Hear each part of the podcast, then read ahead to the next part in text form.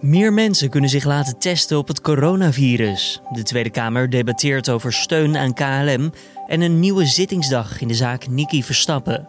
Dit wordt het nieuws. Ja, je kunt je natuurlijk ook voorstellen, het DNA van Jos B. was niet het enige DNA uh, op Nicky. Uh, dus er wordt nu bijvoorbeeld ook nader onderzoek gedaan naar uh, het vergelijken van DNA van de tentgenoten van Nicky. Want hij was natuurlijk op zomerkamp. Naar DNA uh, wat ook op, nog op hem gevonden is. Eigenlijk zou de inhoudelijke behandeling van de zaak vandaag starten. Maar door de coronapandemie is dat niet mogelijk. Wel vindt er een proforma plaats. En zie dat als een niet-inhoudelijke zitting. Rechtbankverslaggever Lisa van der Wal is daarbij aanwezig en legt straks uit hoe het ervoor staat met de zaak. Maar eerst kort het belangrijkste nieuws van nu. Mijn naam is Julian Dom en het is vandaag woensdag 6 mei. Bloedbank Sanquin heeft samen met het ministerie van Volksgezondheid, Welzijn en Sport een miljoen nieuwe testkits besteld om immuniteit voor het coronavirus te kunnen onderzoeken bij bloed- en plasmadonors. De tests zijn per direct beschikbaar. Met de tests kan de aanwezigheid van antistoffen tegen het coronavirus in het bloed van donoren vastgesteld worden. De non-profit organisatie onderzoekt samen met het RIVM momenteel de verspreiding van het virus en opgebouwde immuniteit onder de Nederlandse bevolking. Een Nederlands biotechnologiebedrijf verkocht coronatests uit China die een grote kans hadden op het geven van een foute uitslag. Daarover schrijft Trouw deze ochtend. De tests zijn bedoeld om te zoeken naar antilichamen in het bloed, wat moet aanduiden of een getest persoon besmet is geweest. De test in kwestie zouden volgens de verkoper in 10 minuten resultaat kunnen geven. Maar twee wetenschappelijke studies wijzen erop dat deze resultaten erg onbetrouwbaar zouden zijn. Daarnaast zijn er volgens het Nederlandse Outbreak Management Team en de Europese Commissie nog niet zulke snelle tests ontwikkeld. Het bedrijf in kwestie ontkent beide beweringen tegen trouw. De Poolse Senaat heeft gisteravond tegen een regeringsvoorstel gestemd om per brief te moeten stemmen voor de presidentsverkiezingen komende 10 mei. De conservatief rechtse regeringspartij Recht en Rechtvaardigheid meende dat de verkiezingen op die wijze de veiligheid van de bevolking zou garanderen met het oog op de coronacrisis. Maar de Senaat, die grotendeels in handen is van de oppositie, is het daar niet mee eens. Anonimiteit zou niet kunnen worden gegarandeerd op deze wijze, zeggen zij. Het voorstel gaat nu door naar het Poolse lagerhuis, de Sejm. De Amerikaanse president Donald Trump ontkent dat zijn regering betrokken is bij een gewapende koepoging in Venezuela. Acht mensen kwamen bij de aanval om het leven en dertien mensen zijn gevangen genomen, onder wie twee Amerikaanse oud-commando's. Venezuela meldde zondag dat een groep huurlingen vanaf zee het land was binnengekomen om president Nicolas Maduro af te zetten. Volgens Maduro is de aanval door Washington gecoördineerd. De topadviseur, epidemioloog en wiskundige Neil Ferguson is uit het crisisteam van de Britse overheid gestapt nadat hij zelf de coronaregels heeft overtreden. Ferguson is een van de prominente leden van het Britse crisisteam. Mede dankzij zijn berekeningen en die van zijn collega's van Imperial College Londen koos de Britse overheid in maart toch voor een gedeeltelijke lockdown in plaats van een lossere koers richting groepsimmuniteit. Het is onduidelijk wat Ferguson precies verkeerd heeft gedaan, maar mogelijk gaat het om bezoek bij hem thuis en dat zou tegen de regels zijn. Dan de zaak Nicky Verstappen. Verdachte Jos B. zit nog altijd vast in afwachting van de rechtszaak tegen hem. Wie was verantwoordelijk voor de dood van Nicky in augustus van 1998? Was het Jos B. en als het hem was, is er dan ook voldoende bewijs voor een veroordeling? Vandaag is collega en rechtbankverslaggever Lisa van der Wal bij de rechtbank in Limburg aanwezig. Voordat ze daar aan de slag gaat, eerst nog even een gesprek met haar over wat we kunnen verwachten. En Lisa, ook over waar we nu staan met de zaak. Vertel nog steeds eigenlijk bij de niet-inhoudelijke behandeling van de zaak. Dat heeft natuurlijk te maken met de uh, coronabesmetting. Uh, vanaf woensdag zou eigenlijk vijf dagen lang de inhoudelijke behandeling gaan plaatsvinden. De zaak is natuurlijk in december 2018 gestart, dus hier zat, hier, zat iedereen al heel erg lang op te wachten.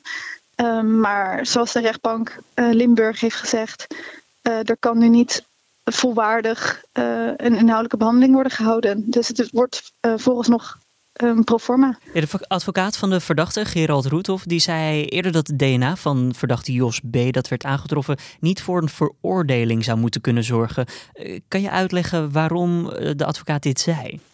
Ja, kijk, op het lichaam van Nicky Verstappen zijn uh, DNA-sporen gevonden.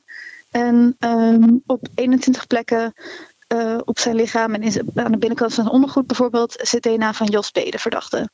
Um, en wat Gerard uh, Roethoff probeert te doen is aan te tonen dat het geen dadersporen zijn. Je kunt je natuurlijk voorstellen als, ik, uh, als jij op straat loopt en ik pak je schouder vast is nu natuurlijk niet heel erg handig in coronatijd, maar uh, stel, stel je voor, geen coronatijd. Ja. ja. stel je voor, ik pak jouw schouder vast, dan zitten mijn huidschilfers aan jouw schouder, aan jouw shirt bijvoorbeeld, wat je aan hebt. Um, maar ja, niet aan de binnenkant van je ondergoed. Sorry, nee, precies. Kijk, daar gaat het verhaal dus ook naartoe. Als ik jou op je schouder aanraak, dan is mijn DNA op jouw schouder niet per se een daderspoor. Want ik, heb, ik kan jou niet echt iets aangedaan hebben. Snap je? Het, het, het is niet mijn DNA op jouw keel bijvoorbeeld. En, maar wat um, de advocaat dus probeert aan te tonen, dat die DNA-sporen ook op een andere manier op uh, Nicky Verstappen kunnen zijn gekomen.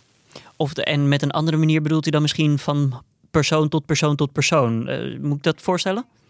Ja, dus hij heeft bijvoorbeeld in de afgelopen maanden uh, is aanvullend onderzoek gevraagd. Dat is heel normaal bij uh, dergelijke zaken in de proforma uh, sfeer. mogen beide partijen verzoeken doen tot extra onderzoek. Dat is dus ook gedaan. En hij heeft daarbij ook een paar suggesties um, opgeroepen. Bijvoorbeeld is het via de lijkschouwer of via politieagenten. Dat het via, via, via op Nicky Verstappen is gekomen. dat heeft hij gedaan maar ook gevraagd naar uh, andere DNA-sporen op Nicky. Er waren, ja, je kunt je natuurlijk ook voorstellen, uh, het DNA van Jos B. was niet het enige DNA uh, op Nicky. dus er wordt nu bijvoorbeeld ook nader onderzoek gedaan naar het vergelijken van DNA van de tentgenoten van Nicky. Want hij was natuurlijk op zomerkamp. Naar DNA wat ook op, nog op hem gevonden is. En de term dadersporen, die noemde je toen straks eventjes. waar moet je dan specifiek aan denken als het daarover zou gaan bij dadersporen? Ja, dadersporen zijn eigenlijk uh, sporen uh, op iemands lichaam die erop kunnen wijzen dat die zijn ontstaan door een misdrijf. Dus nou ja, ik probeer het net al even echt in kindertaal. Even als ik jou bij je schouder aanraak en jouw lichaam wordt ergens gevonden, dan is mijn DNA op jouw schouder niet echt een daderspoor. Maar als mijn DNA om jouw keel wordt gevonden of uh, bij een zedenincident, als mijn DNA in jouw ondergoed wordt gevonden, dan zou je uit kunnen gaan van een daderspoor. Oké. En uh, Jos B., wat heeft hij zelf hierover gezegd? Over dat zijn DNA dus wel op Nicky eh, gevonden is? Nou, dat is het jammere. Hij uh, heeft eigenlijk al die tijd gezegd dat hij bij de, bij de inhoudelijke behandeling zijn best gaat doen om wat meer vragen te beantwoorden. Hij heeft ook een een verklaring voorbereid, die hij bij de inhoudelijke behandeling zal gaan voorlezen. Die verklaring heeft voor de rest nog niemand ingezien, dus ook het OM niet, de rechtbank niet, alleen zijn advocaat. Maar omdat die inhoudelijke behandeling nu natuurlijk is uitgesteld, um, gaan we gewoon nog niet horen wat daarin staat. Dus dat, dat is heel erg jammer. Is Jos B. dan wel aanwezig bij deze nieuwe proforma-zaak of zal hij dit op uh, ja, afstand volgen, om het dan maar zo even te noemen?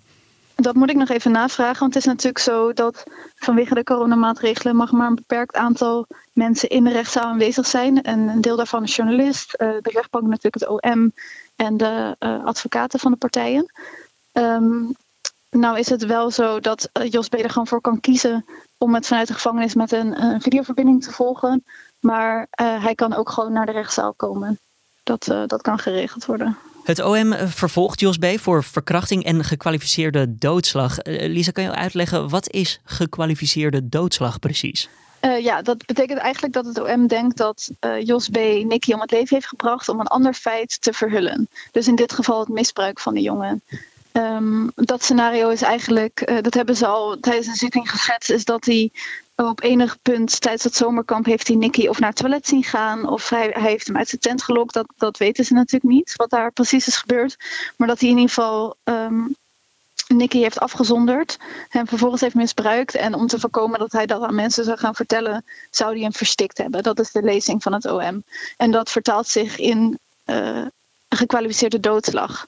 En dat is misschien ook wel goed om te weten. Een gekwalificeerde doodslag is een, een zwaarder vergrijp dan uh, normale doodslag, zo noem ik het maar even. En uh, het strafmaximum is hetzelfde uh, als dat van moord. Dus dat kan gewoon levenslang zijn. En ja, natuurlijk moeten we nog eventjes wachten tot het OM komt met die strafeis. Dat zal pas in een van die inhoudelijke zaken, op het einde van de inhoudelijke zaken zijn, hè? Ja, dat uh, verwachten we echt pas. Ja, we weten nog niet eens de maand eigenlijk, maar september of oktober. En dan aan het eind van die vijf dagen zal de het requisitoor worden gehouden. Ja, um, dan nog heel even als laatste vraag. Nu krijgen we dus een nieuwe proforma. Is er wel voldoende te bespreken voor een nieuwe proforma? En is het ook handig voor die zaak? Is het noodzakelijk voor die zaak dat er weer een niet-inhoudelijke zaak komt? Ja, nou naast, naast dat er natuurlijk gewoon een wettelijke plicht is om een zaak eens in de zoveel maanden voor te laten komen, uh, dat is gewoon wettelijk vastgelegd. Uh, is het ook wel handig voor deze zaak, omdat we natuurlijk we, we hebben de laatste update in de zaak in februari gehad. En toen kregen wij te horen van oké, er worden bijvoorbeeld nog mensen extra gehoord. Uh, er waren bijvoorbeeld twee getuigen die hadden uh, een man die zij later hebben geïdentificeerd als Jos B. zien fietsen met een jongen in een rode pyjamabroek achter op zijn fiets. Nou, dat klinkt een beetje als de rode Ajax pyjamabroek van Nicky. Um, dus die wilden ze opnieuw verhoren om te kijken of dat wel klopt. Uh, wat ze hebben gezien en of dat echt Jos B. was.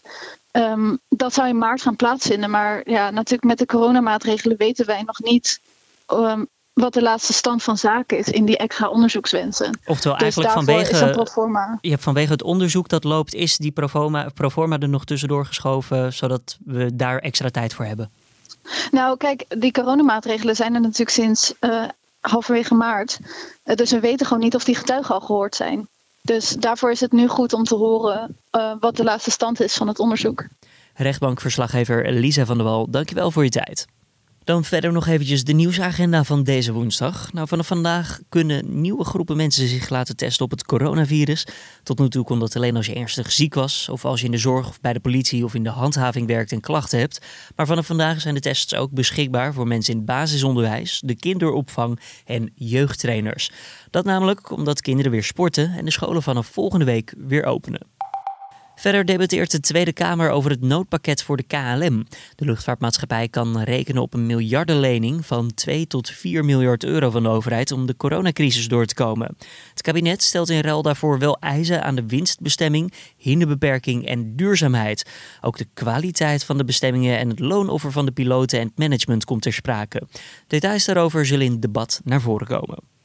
En de rechtszaak tegen leden van motorclub Calo Wago gaat vandaag verder met een inleidende zitting. Door het grote aantal verdachten is de zaak opgesplitst en zullen vandaag zes mannen moeten voorkomen.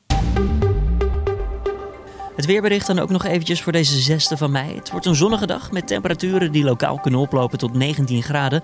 In het westen kan het wat afkoelen door een koele zeewind. En verder is de wind gedurende de dag zwak of matig en komt deze vooral uit het noordoosten. En om af te sluiten, ja, we hebben te maken met minder CO2-uitstoot vanwege de coronacrisis natuurlijk. Desondanks blijft het CO2-niveau in de atmosfeer verder stijgen. Dit jaar is daarom ook nog altijd hard op weg om het heetste jaar ooit gemeten te worden. Dat blijkt uit analyse van de National Oceanic and Atmospheric Administration, het Amerikaanse equivalent van het KNMI. Zij beschikken over een wereldwijd netwerk van klimaatsatellieten. Zo meldt de dienst dat de eerste vier maanden van dit jaar al behoorlijk heet waren. En de kans is zo'n 75% momenteel dat dit jaar dan ook het heetste jaar ooit gemeten wordt. En dit was dan de Dit Wordt Het Nieuws ochtendpodcast hier bij Nu.nl. Tips of feedback zijn welkom. Kan, kan je naar ons toesturen via podcastapenstaartje.nu.nl. Vanmiddag is mijn collega Carne van der Brinkter met de middageditie van deze podcast. En dan neem ik voor deze ochtend eventjes weer afscheid van je. Mijn naam is Julian Dom. Ik wens je voor vandaag een hele fijne en mooie dag. En tot de volgende.